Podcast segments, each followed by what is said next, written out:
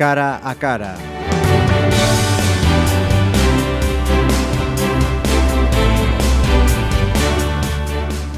Saludos, eh, bienvenidos a este cara a cara que lleva, como habréis visto, un título contundente. Que me dejen de llamar, coño. ¿Por qué lo hemos titulado así? Pues porque seguro que cualquiera de los que nos estáis escuchando ahora en algún momento, o más que en algún momento, eh, os habéis visto en esa situación de esas llamadas comerciales insistentes, de mañana, de tarde o de noche, mm, dos, tres, cuatro, cinco veces al día, ofreciéndote mm, de todo tipo de cosas. ¿Qué podemos hacer? ¿Hay una normativa que nos ampare? Eh, mm, ¿Cómo hacen para conseguir esos datos? ¿Los consiguen de forma legal o nosotros quizá los estamos cediendo? Eh, sin darnos cuenta. Bueno, pues para resolver todas estas cuestiones, para hablar de esa situación, tenemos hoy en el estudio de Pontevedra Viva Radio a Rosa Rodríguez, que es abogada de la Asociación de Consumidores de Pontevedra. Bienvenida, Rosa. Hola a todos. Eh, explicaba en esta presentación esa situación que queríamos plantear en este cara a cara.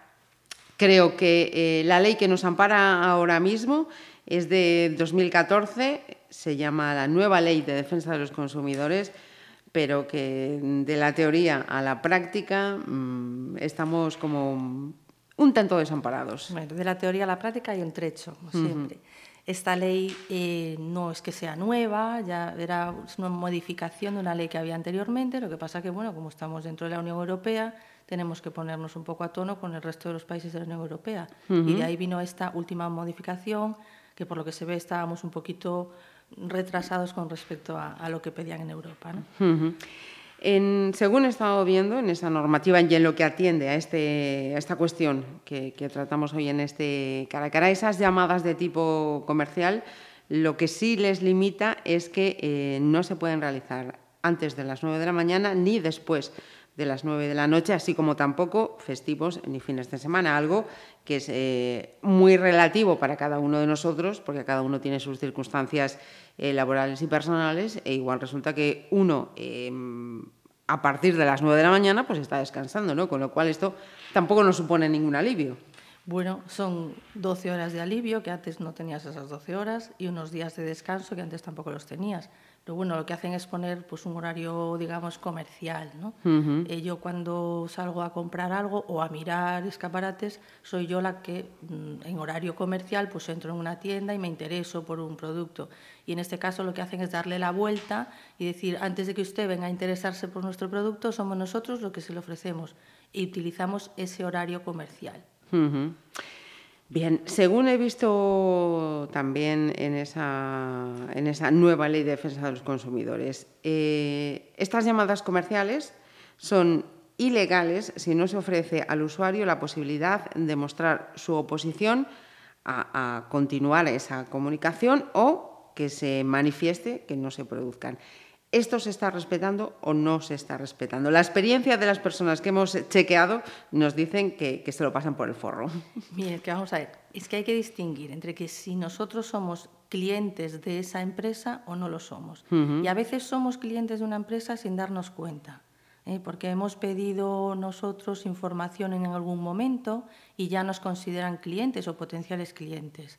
Y entonces ellos ya tienen nuestros datos, que es que nuestros datos andan pululando por, por el mundo adelante. Sí, de una manera que no somos conscientes cuenta, hasta muchas dónde. veces eres uh -huh. tú el que estás proporcionando tu número de carnet, tu dirección, tu nombre.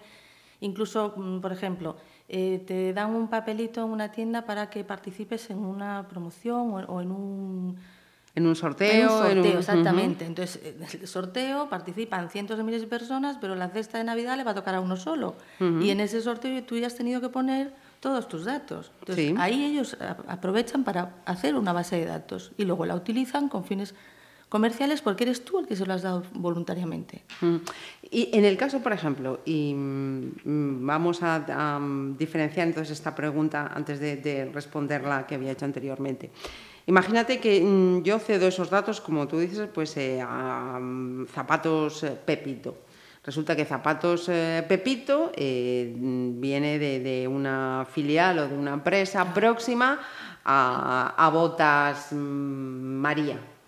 Y, y, entonces, mm, además de dárselas a Pepe, mis datos también los tiene Botas María. Botas María entonces me puede llamar sin ningún tipo de, de, hecho ilegal, sin cometer ningún ilícito. Es que esos papeles que tú cubres con tus datos suelen tener al final de todo Esa una, letra una leyenda muy siempre. pequeña, como está, viene tan al margen y es tan pequeña y tienes tanta prisa y no te para salir nada y lo único que quieres es, bueno, pues participo en este sorteo y qué bien, gracias por dejarme participar sin haber comprado nada pues no lo lees. Y ahí es donde te pone, estos datos podrán ser utilizados con fines comerciales. Y a lo mejor hasta te dejas un cuadradito para que pongas una X. Si usted no quiere recibir publicidad, marque este cuadro, pero no lo haces. Claro, porque esta ley sí que he visto también que además que mm, sí que regula eh, el tamaño de esa letra, ¿no? Para que el usuario pueda verla, tiene que tener un tamaño concreto y ese tamaño también se lo están saltando. Claro, lo que no interesa que se vea mucho se pone mucho más pequeño o por la parte de atrás o en la zona más incómoda de, del papel. O sea, que siguen buscando la vuelta mmm, para darle la vuelta a la normativa o incumpliendo. Y volviendo entonces a, a, esa pregunta anterior, si yo es una empresa con la que, vamos a poner el supuesto, no tengo ninguna vinculación, se supone que no he dado ningunos datos ni posibilidad que puedan, sin embargo las tienen y me están llamando, ya Vale. estarían cometiendo un ilícito. No, porque ellos tienen muchas formas para hacerse con una base de datos. O sea, tú mm, incluso pueden sacar datos de la gente del censo electoral. Ahí tienes unos nombres y unas direcciones y bueno, por ahí se puede empezar. ¿Y el censo electoral está autorizado a darles Claro, eso? claro, es un registro público. Uh -huh. O sea que estamos desprotegidos totalmente. Bueno, tenemos lo de las listas Robinson. Uh -huh. Va, vamos luego con las listas Robinson. Eh, siguiente supuesto, eh, y según esa, esa, normativa que estaba leyendo, si yo le manifiesto mi eh, oposición a que me sigan eh, llamando, deberían cesar esas Deberían cesar inmediatamente. A la primera, a la primera que tú le, no tienes que repetirlo. A la uh -huh. primera que tú digas, yo no quiero, porque esas llamadas que te hacen ya te dicen también, eh, su llamada puede ser grabada. No es que pueda ser grabada, es que la graban siempre. Sí, sí o sí. Vale, entonces, como, muy bien, como está siendo grabada, está siendo grabada para usted y para mí. Uh -huh. Entonces, usted va a decir lo que quiera, pero yo también voy a decir lo que quiero. Uh -huh. Y en esta llamada queda registrado que yo ahora mismo le digo que no quiero que me vuelvan a llamar, no quiero recibir publicidad. Y con eso debería bastar, una uh -huh. sola vez. Si no basta, entonces, ¿qué podemos hacer? Claro, entonces podemos poner una denuncia a la Agencia Española de Protección de Datos. Esa denuncia es, pues, es fácil de hacer, se puede ahí, pues por internet mismo, ya te dan facilidades, te dan unos formularios que puedes cubrir y tal pero pues aquellas personas que no tengan habilidad para utilizar internet pues también lo pueden hacer de forma personal en, en la dirección es, es, me parece que es la calle Jorge Juan número 6 de Madrid uh -huh. o sea la Agencia correo. Española de Protección de Datos sería la única que nos puede amparar y ya nosotros eh, digamos que siendo sujetos activos para que ese acoso telefónico entre comillas eh, termine claro quedan, quedando claro que lo que hace la Agencia de Protección de Datos es eh, como mucho poner una sanción económica a la empresa, pero que de esa sanción económica posiblemente nosotros no vamos a recibir ninguna cantidad. Uh -huh. es, una, sí, sí. es, una, multa, no es una indemnización para nosotros. Si lo que queremos es una indemnización, entonces sí que tendríamos que poner una, den una denuncia al juzgado. Uh -huh. Pero claro, al juzgado hay que probarle las cosas. He recibido la llamada a esta hora, que está fuera de hora, pues a ver cómo te brujuleas para realmente uh -huh. demostrar que, que ha sido a esa hora y no a otra. Me ha llamado esta persona. O sea, Tienes sí, que identificando a la persona que te está llamando desde... mm, Vale. Y la, y la indemnización que pides también tienes que justificar.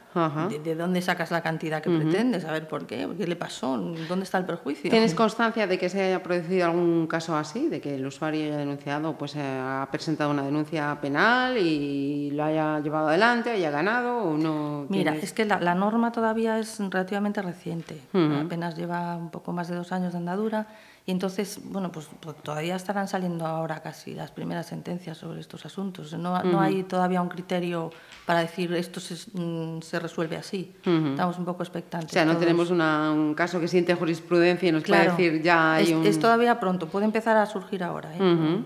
Vale.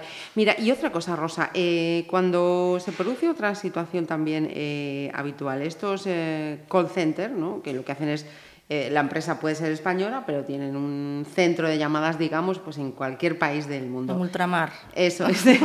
Esos call eh, center tienen ya unos eh, sistemas que lo que hace es que eh, empiezan a llamar a ese listado infinito o no infinito de, de números y registran cuando tú, usuario, respondes a la llamada y cuando no respondes a la llamada.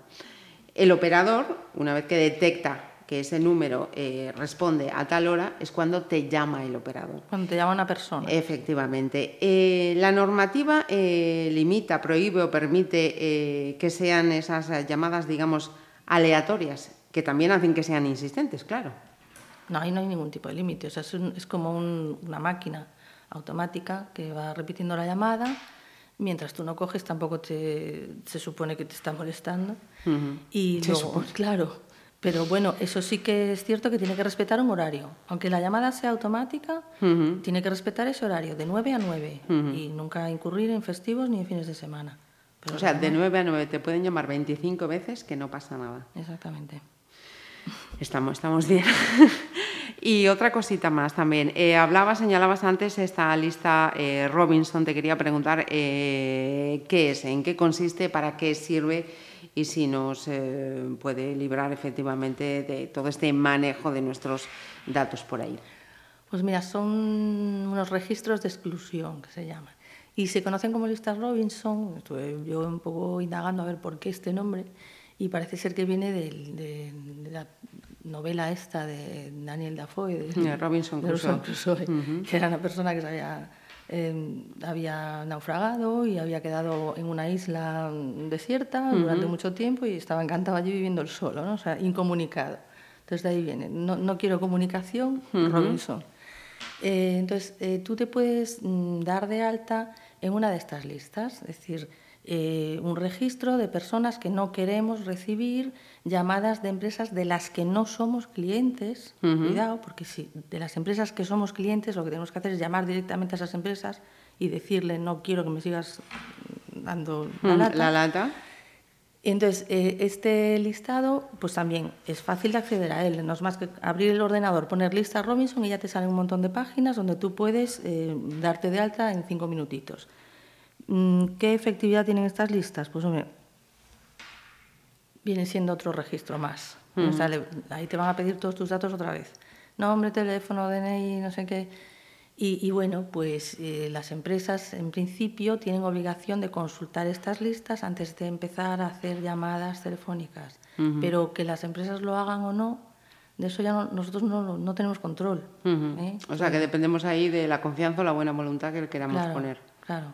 Y entonces, bueno, pues eso ya un poco cada uno que piense si realmente quiere seguir dando sus datos a un listado más o quédate como estás y cuando te suene el teléfono lo cojas.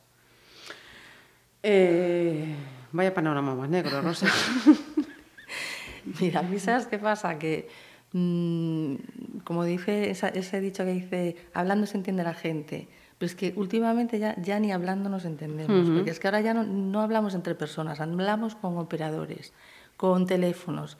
Y yo, mira, cuando era jovencilla, leí un libro que me mandaron en el colegio, además lo tuve que leer en inglés, que se llama 1984, de George mm, Orwell. George Orwell. Y en ese libro era como, que se escribió en los años 50, años 50 era como una sociedad donde eran, éramos todos unos autómatas y íbamos como medio robots, y íbamos todos vestidos igual y estaban unas cámaras siempre vigilando lo que hacía todo el mundo. A mí que yo me parecía una locura. Era un poco como el gran hermano ya con, con, décadas de antelación. Y ahora resulta que estamos viviendo eso. O sea, todo el mundo lleva un móvil en la mano, todo el mundo te, te puede sacar una foto en cualquier momento, un vídeo.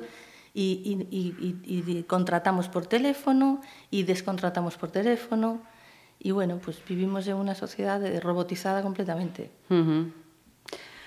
Pues amigos, moraleja, paciencia y hacer lo que cada uno buenamente pueda, porque la normativa no, no da para, para, mucho más. Veremos a ver si efectivamente, como tú dices, eh, en algún momento sienta jurisprudencia algún caso y, los usuarios, los sufridores, eh, consumidores, estamos un poquito, un poquito más amparados, porque de momento en esto de las llamadas comerciales parece que tenemos la, batalla perdida. Pues Rosa Rodríguez, abogada de la Asociación de Consumidores de Pontevedra, que te agradecemos que nos, que nos hayas acompañado y habernos aclarado un poquito todas estas situaciones. Ya sabéis, coger el teléfono y colgar. Punto.